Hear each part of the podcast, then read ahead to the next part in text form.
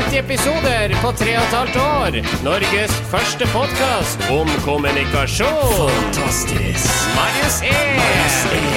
Marius 2. Og Sindre H. Her er de. Norske informasjonsrådgivere.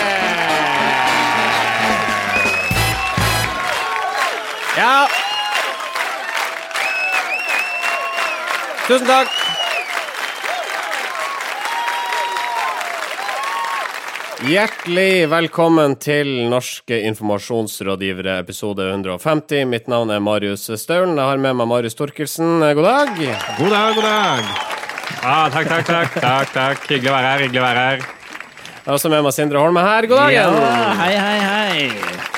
Og det er klart, ingen uh, podkastsending er komplett uten vårt fantastiske publikum!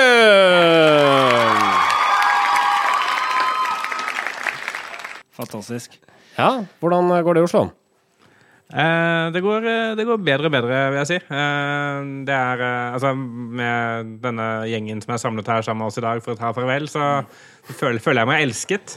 Eh, men bortsett fra det også, så vil jeg si, si det går fint. Eh, forrige ukes eh, kjære, kjæresteerklæring har ført til eh, Altså, ikke noen henvendelser, men jeg får masse, masse blikk eh, fra jenter som er misunnelige nå. Så det funka. ja. Sindre H, hvordan går det med din kjærlighet? Nei, det, det, det Du er så flink til å overrumple vei. Uh, nei, det går, går ganske bra. Uh, etter sist sending så, så skjedde Ja, skjedde ikke så veldig mye her heller. Hva, men, men Staulen, det er mer interessant å spørre om deg, for du er jo liksom selve gåten i NIR-panelet. Vi vet jo Lytterne vet jo ingenting om deg og din, ditt privatliv. Hva, Åssen går det med deg og din eh, kjærestelivet? Altså, altså, kjærlighetslivet ditt. Det er jo hele Altså, det er jo fordelen med å være program, programleder. Altså, ingenting har noe med meg å gjøre. Altså, jeg er kun ordstyrer. Så eh, la meg ta ordet her. det gjør det hele tiden. Nå er det på tide at vi tar ordet, tenker jeg. Ja, eh, vi får se i episode 151. Nordea har gitt merkevaren sitt et realt ansiktsløft til Meld-kampanje med ny skrifttype og ny logo. Seilet er borte, og nå har de fått inn et pulslignende symbol. Ja, det, det skal da eh, gjenspeile Nordea som en eh, bank med en menneskelig og finansiell puls, hva det nå betyr. Års, altså, ifølge Nordea så er årsaken til at Seilet ikke kunne bli med videre, eh, at det ikke lenger representerer banken på en like god måte. Seilet har fungert veldig bra for oss, men verden forandres. Vi har en mye tettere dialog med kundene våre. Ø, Våre, og det er mer relevant å ta en identitet som adresserer pulsen, eller møtet vi har mellom kundene, eh, og som Seilet ikke var tenkt for, sier Helena Andreas i Nordea. Og jeg tenker, er det noen andre enn logoeier som tenker på slikt? Nei, eh, jeg tenkte Jeg syns det høres veldig merkelig ut. Veldig merkelig argumentasjon. Jeg tenker mer det at eh, banker tidligere var veldig opptatt av å fremstå solide.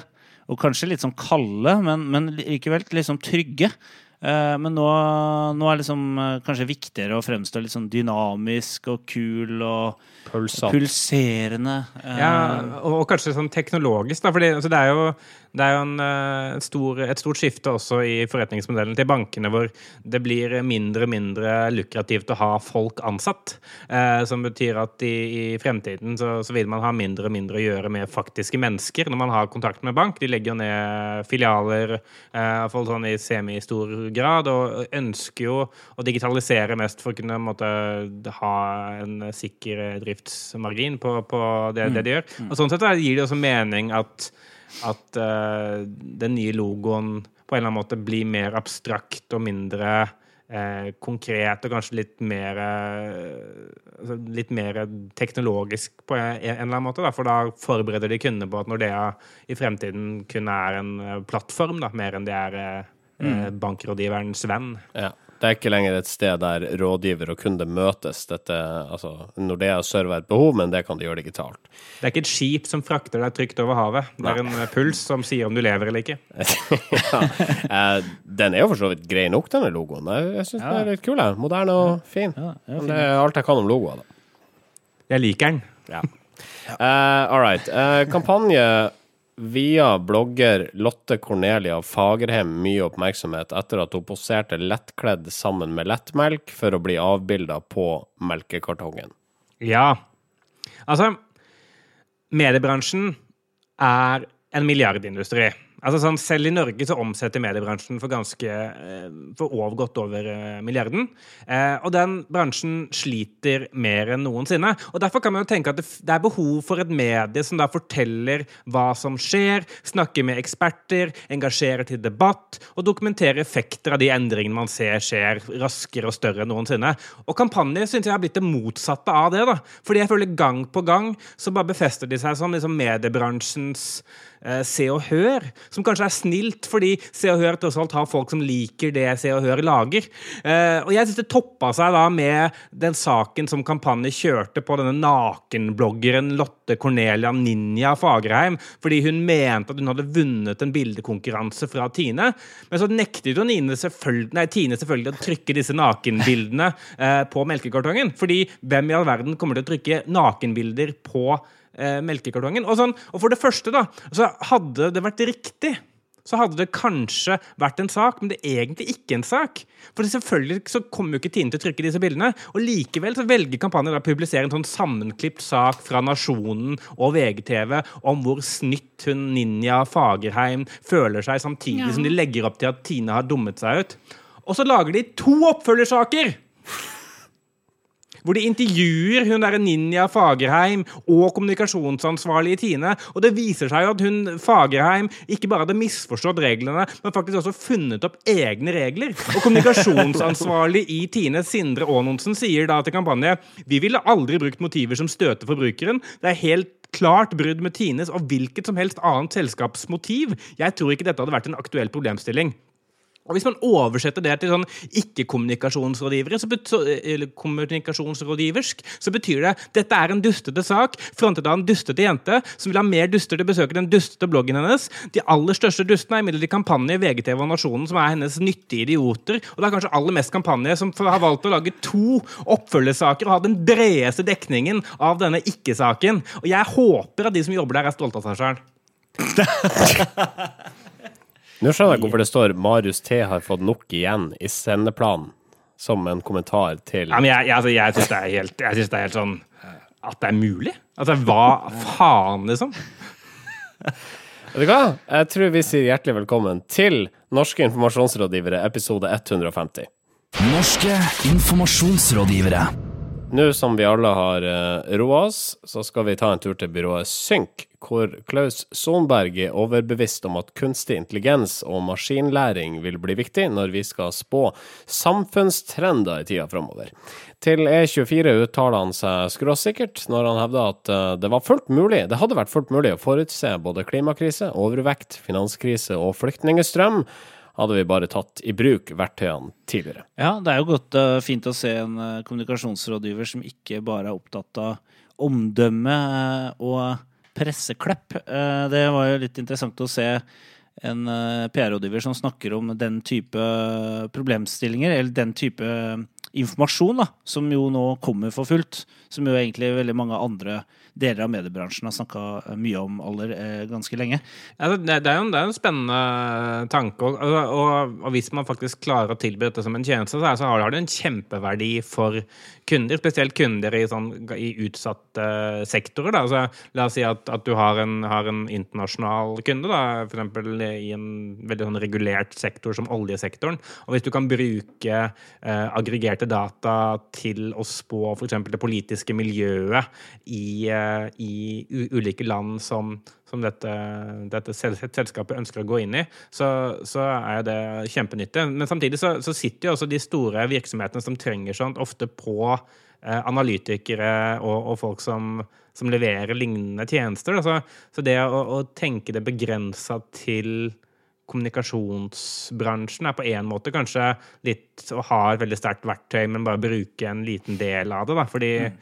eh, jeg, jeg, jeg, tror det er helt tydelig at man kan løse mye, men kanskje ikke kommunikasjon er det eneste stedet å Nei, for, altså, vi snakker om ganske store sånne uh, samfunns- eller verdensbevegelser her. Altså uh, klimakrise, flyktningestrømmen som vi nå er midt inne i, overvekt som er i ferd med å bli et stort samfunnsproblem også her eh, hjemme, som lenge har vært det andre steder i verden. Eh, jeg må si meg enig, Torkelsen. Dette her handler ikke bare om altså hva kommunikasjonsrådgivere kan utnytte av denne informasjonen.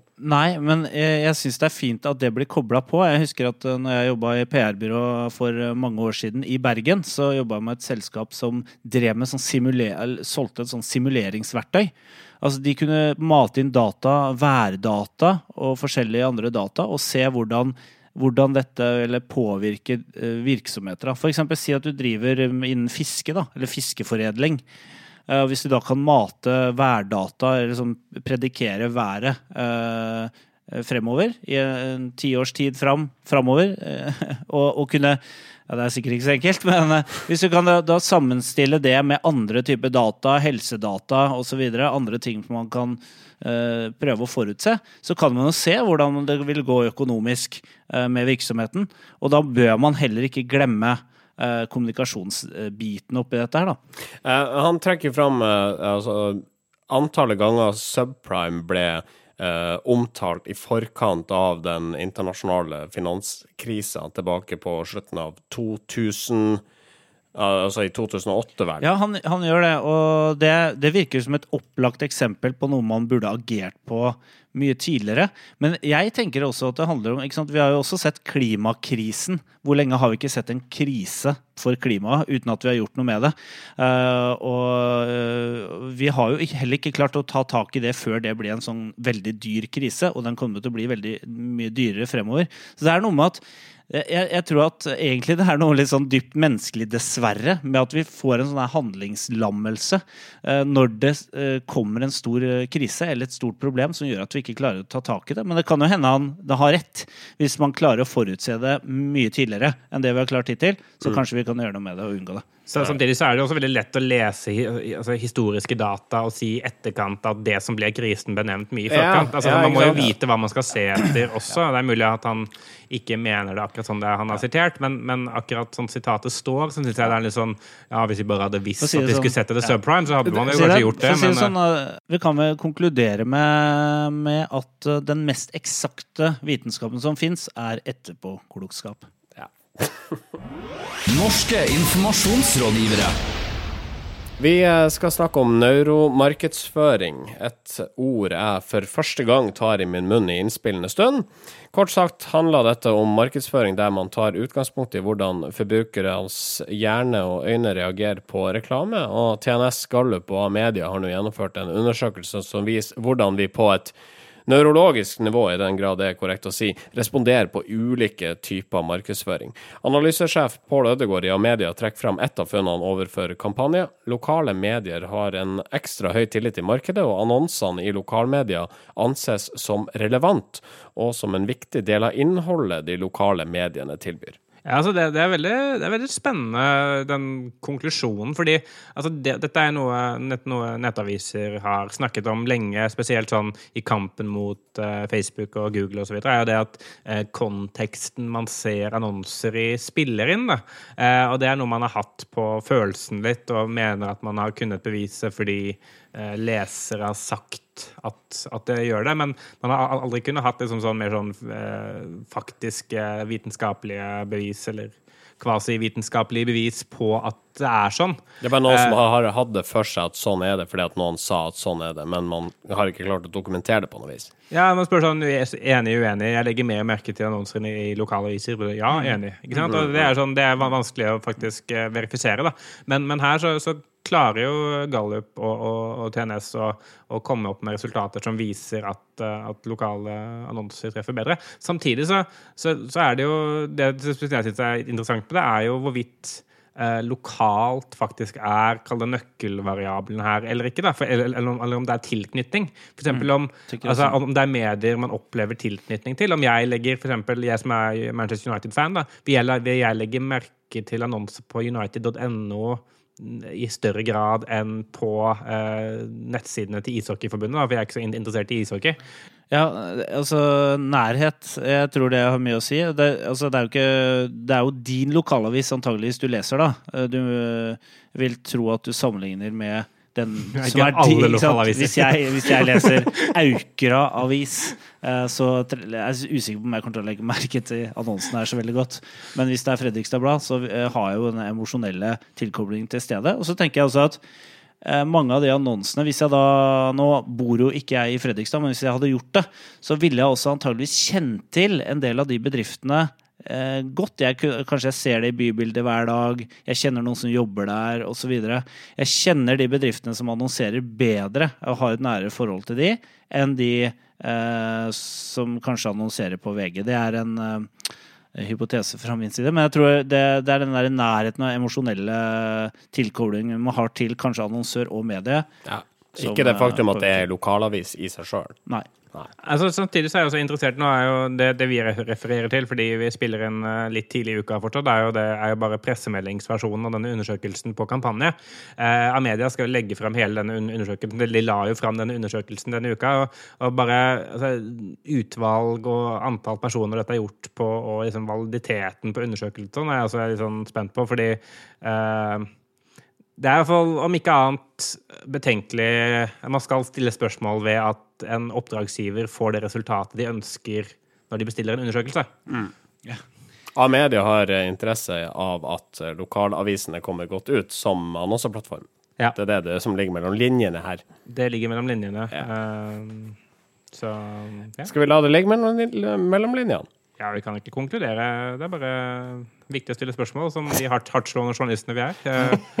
Spesielt siden jeg da representerer eh, konkurrent av Amedia så, og Riksavis.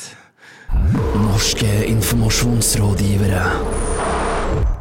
Vi skal til USA, for i april så ble et internt strategidokument fra Boston Globe lekka. Dette visste at avisa har store økonomiske utfordringer, og dertil hørende semitydelige planer for hvordan løse disse. Medieanalytiker Thomas Bekdal, han er fra Danmark, har nå analysert Boston Globes problemer, og presenterer i et kjempelangt innlegg på egen nettside en løsning på problemet alle mediehus har, nemlig hvordan tjene nok penger.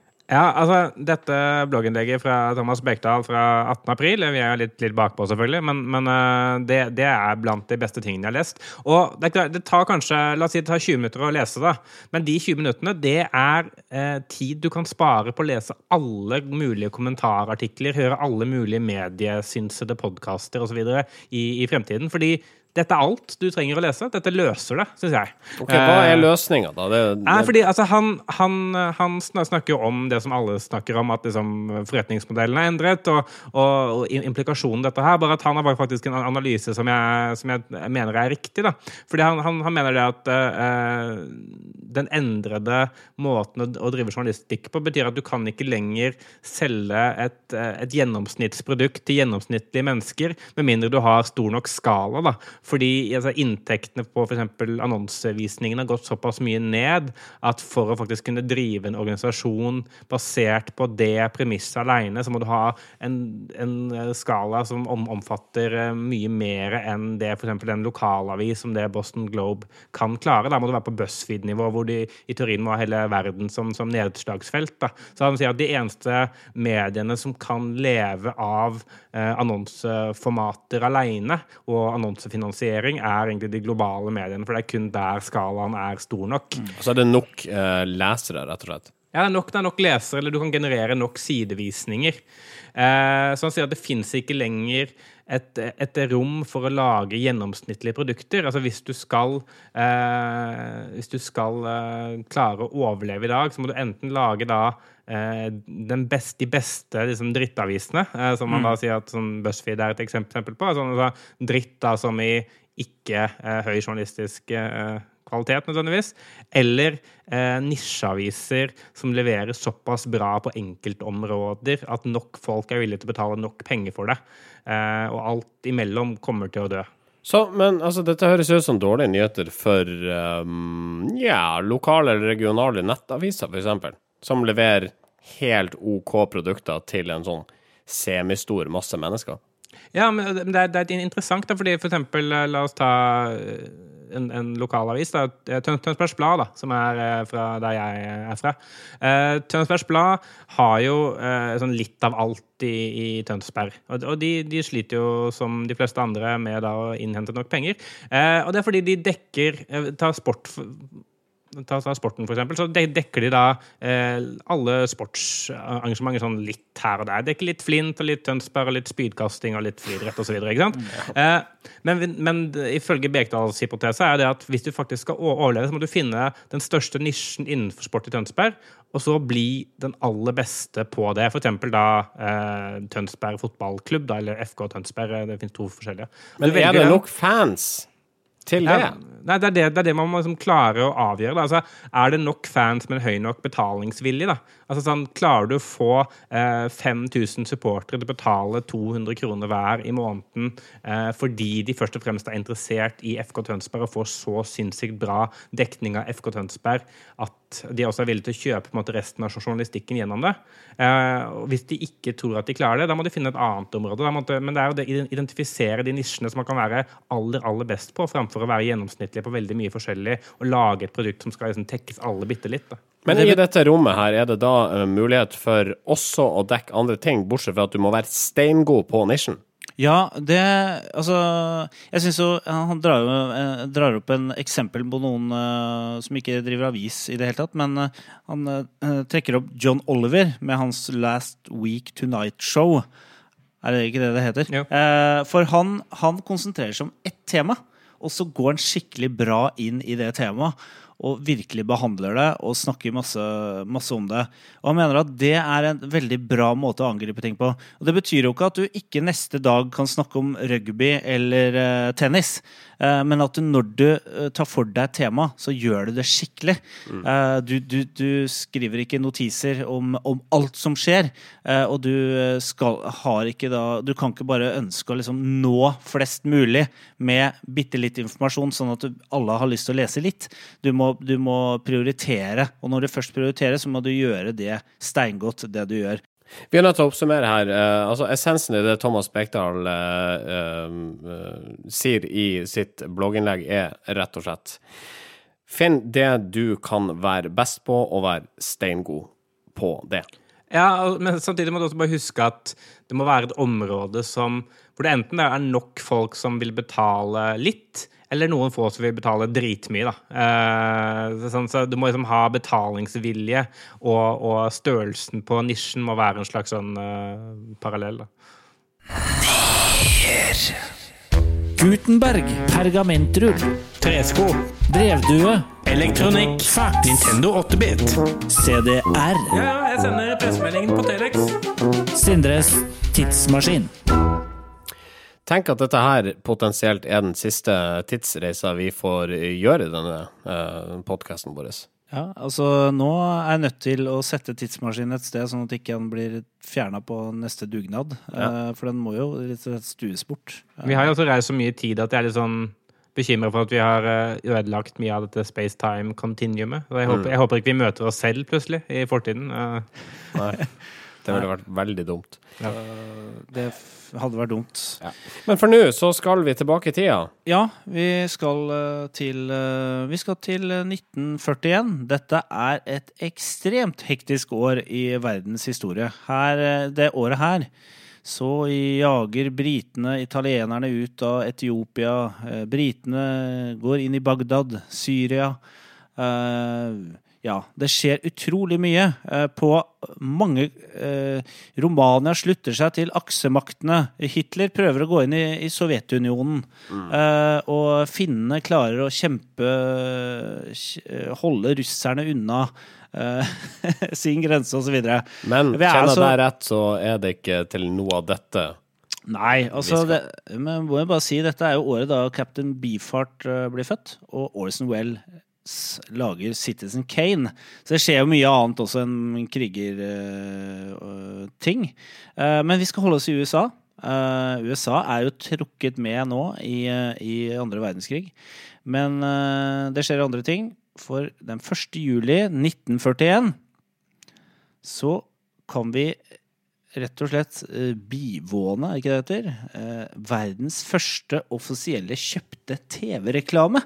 På TV-stasjonen WeNBC, eller WeNBT som det het eh, den gangen. Eh, reklamen går på TV før baseballkampen mellom Brooklyn Dodgers og Philadelphia Phillies. Reklamen er for et klokkemerke som heter Bulova. Eh, og reklamen Gjett hvor mye den kosta å, å, å vise. 100 dollar. 250. Skal jeg si hva som er riktig? Ja. 9 dollar! 9 dollar! ja.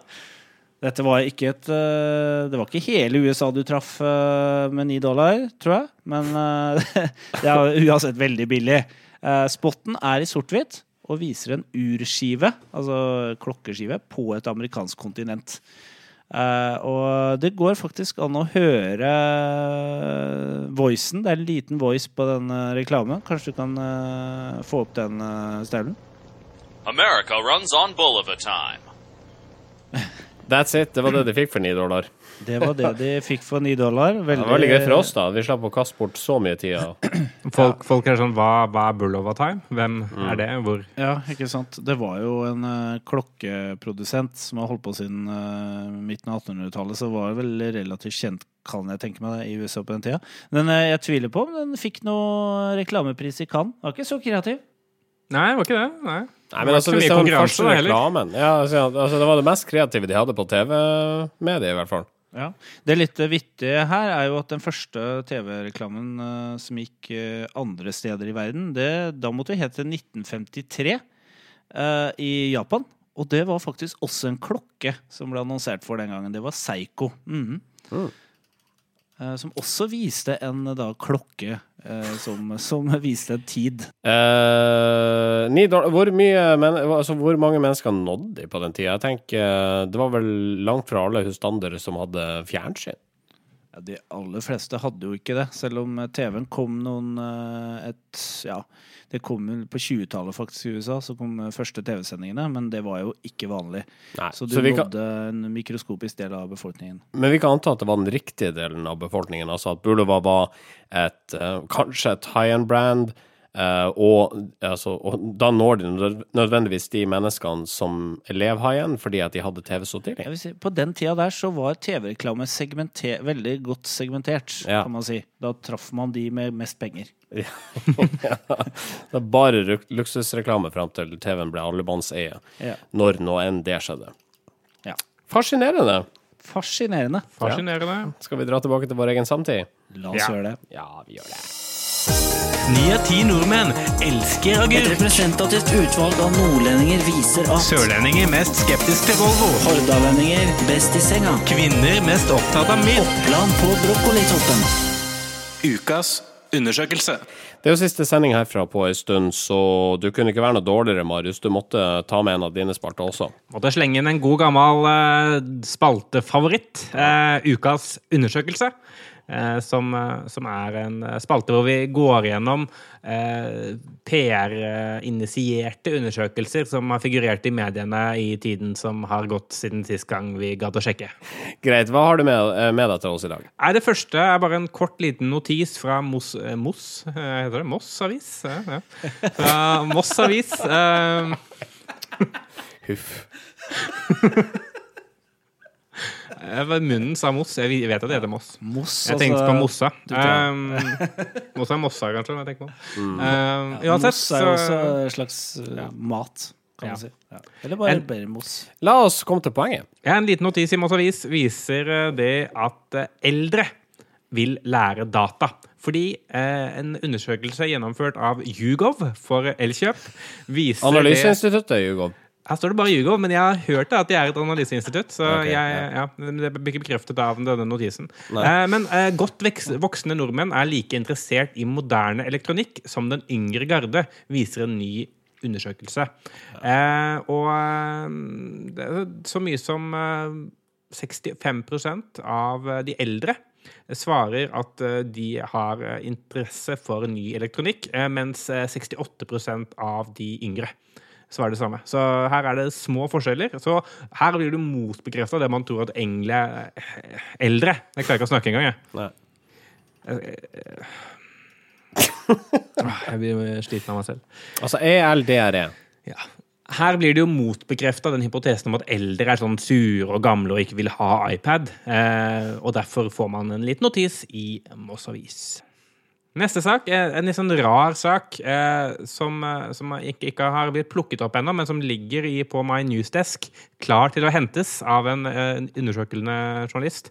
Eh, dette er en, eh, en undersøkelse som er gjort av eh, If eh, skadeforsikring sammen med Syklistenes Landsforening. Eh, og den viser det at mer enn hver 20. nordmann sier at han eller hun vil kjøpe elsykkel denne sesongen.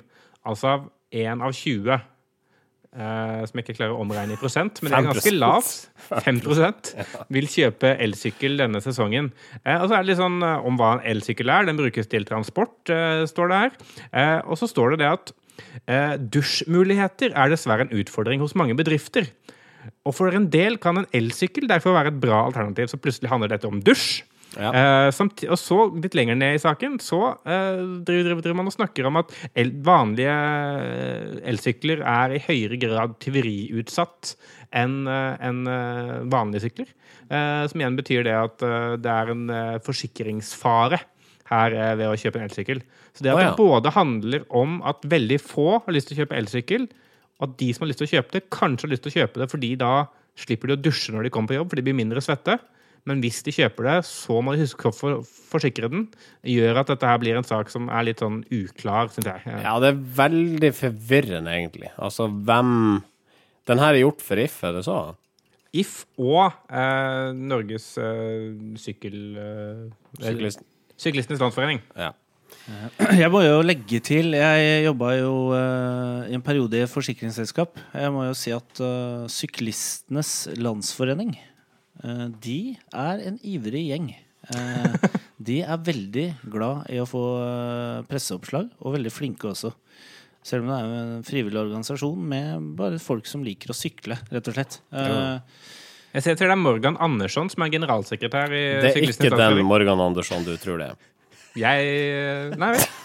for han heter Morgan Andersen. Å, er det det? Nei. Han har ikke bytta navn da, etter denne skandalen. Nei, han har ikke, han har ikke det.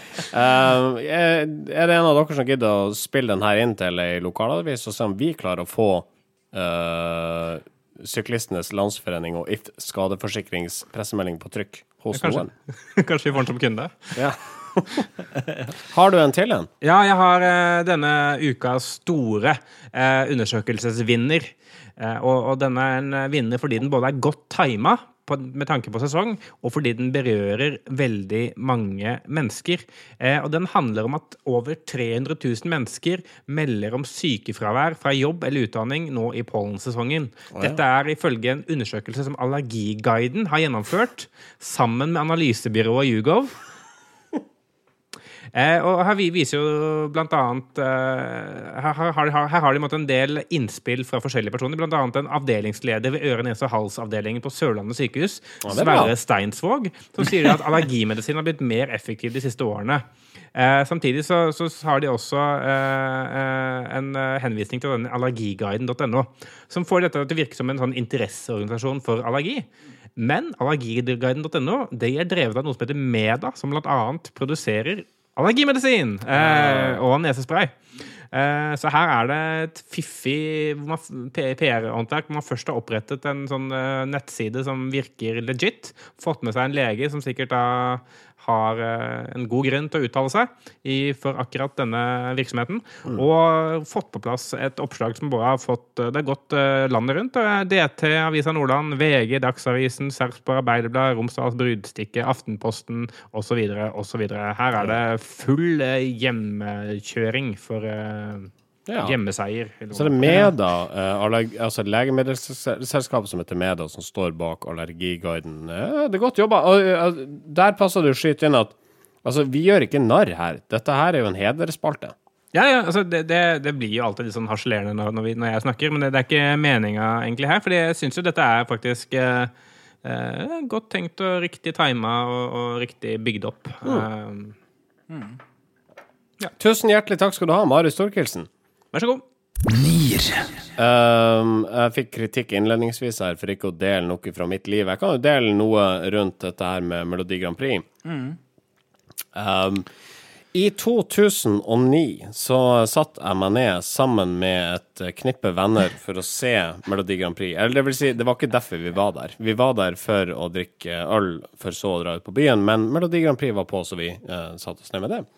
Eh, jeg og eh, en god venn vi eh, bestemte oss for å sette litt penger på de forskjellige resultatene. Dette her resulterte i et svært avansert betting scheme der vi etter hvert begynte å sette sånn plassering. Sånn, hvor kommer Norge? Eh, hva, hva får jeg odds for tredje til femteplass, f.eks.? Så det, det, altså, til slutt så ble det veldig avansert, og alle var med. eh, og vi førte, altså, vi førte bets over en lav sko. Og dette her har da blitt en tradisjon, sånn at uh, nå, uh, altså i morgen, så skal så skal vi sette oss ned her en gjeng, og da blir det champagne. Det blir uh, kanapør. Det blir snytter, og det blir veddemål. Det kommer til å Veldig koselig. Veldig bra. Ja, det blir kjempebra. Det blir kjempebra. Ja. Eh, altså, eh, og da sikrer jeg meg den ironiske distansen til Melodi Grand Prix, som en kommunikasjonsrådgiver må ha i 2016, må vite Ja. det. Eh, samtidig som jeg får sett på det. Ja, nei, det, jeg også, det, er, det er sånn samme tilnærming jeg har, bare at jeg har, har ikke venner. Så Men du har kjæreste? jeg er kjæreste. Så Ja, det er fint, det, da. bøter jo på. Ja, det gjør jo det. Ellers, hva gjør dere nå etter at vi uh, parkerte tøflene? Nei, nå vet jeg ikke hva jeg skal gjøre, jeg, altså. Eh, jeg får problemer med å fylle fritida mi. Jeg skal, øh, jeg skal være enda Eller jeg skal ikke være mer morsom, men jeg skal være oftere mors like morsom som jeg er. Ja, på du har en standup-karriere på si her. Ja, eh, nå kanskje den blir litt mindre på si og litt mer eh, i fokus. Mm. Eh, stort og bredt fokus på denne kar kar- karrieren herfra ut eh, i forhold til eh, nå Oi, oi, oi. Nå sklir det ut, altså. Ja. Nei, men jeg, jeg tror jeg skal bruke mer tid på det. Så følg, hvis dere ser navnet mitt på et eller annet Facebook-event, så er det veldig hyggelig om dere kommer og ser på. Eh, kjære lytters. Men jeg vil jo si til lytterne våre at de må gjerne kontakte oss og komme med forslag til hva vi kan finne på framover. Om det er å ja, eh, ta en øl, eh, spille tennis, squash, fotball. Eh, Hva, eh, hva de kan finne på med deg? Er det, Med oss. Vi er jo alltid i trespann eh, når vi finner på ting. ja, det er sant. Det. Altså, det er jo sånn uh, Facebook-sida vår kommer til å leve en stund til, så innimellom så dukker det opp artige ting der. Og vi kan kontaktes eh, ja, hvis dere har noen eh, hvis, dere, altså, hvis noen har lyst til å betale oss masse for å lage podkast, da gjør jeg comeback. Ja, kan det hende gjøre comeback, det må jeg si oss. Det er bare å gjøre. Ja, ja, ja. Men utover det så tar vi en eh, Vi tar en, eh, en Altså, vi kaller det en pause. Vi, vi får se, da. Altså, det kan, Kanskje får vi ånden, som sagt tidligere, over oss eh, seinere. Men for nå så er dette her siste sending, og vi går av på et uh, rundt tall, episode 150. Um, du kan mimre sammen med oss, sammen med oss på eh, facebook.com slash nearcast. Du finner um, podkastene våre i iTunes, og de siste på soundcloud.com slash Nearcast. Og så får vi da for en siste gang name-drop og takk for eh, hjelp og promotering til Medie24, kreativ, eh, kreativt forum og sommerliten.no. Ja, og så har jeg lyst til å takke alle gjestene eh, som har vært med opp igjennom. Eh, Vi skal ikke begynne å nevne noen, for da glemmer jeg sikkert et, alltid ett navn. Det er alltid, alltid sånn. Eh, Roland blir kjempesint. Ja. Så Fredrik Johnsen, for eksempel, blir Ja, kjempesint hvis vi ja, glemmer å si det. Eh, Ingvar Woland blir kjempesint. Ja. Martin Pira, det er det. Martin Pira blir kjempesur. Sigurd Skjefstad. Språkrådet blir Ja. kjempesint. Ja, han eh, Fredrik Olim eh, Ja, han ble også kjempesint. eh, Ketil Raknes, ikke sant. Ketil Raknes blir er kjempesint. Ja, og han eh, som eh, ga oss et par reisebrev eh, i den Ja, Andreas Gillebekk Ja, eh, blir jo blir- ja, fly forbanna. Det. Ja, mm. Nei, best å ikke nevne noen. Ja, det Eh, og selvfølgelig en, en, eh, en stor takk til dere som har hørt på oss uke etter uke. Det setter vi uh, umåtelig stor pris på. Det er også grunnen til at vi har holdt ut så lenge som vi har gjort, for det er ganske lenge. Ja, og så glemte vi selvfølgelig å si Jørgen Helland, men det, det får bare være. Han er jo fly forbanna nå, merker jeg. Han er kjempesint. All right. Vi, eh, vi setter en foreløpig sluttstrek for denne casten her. Mitt navn er Marius Staulen, Mitt navn er Sindre Holme. Og jeg heter Marius Torkelsen. Og dere finner oss vandrende rundt i gater i henholdsvis Bodø og Oslo, og fram til vi møtes igjen. Ha det, Ha det bra. Norske informasjonsrådgivere.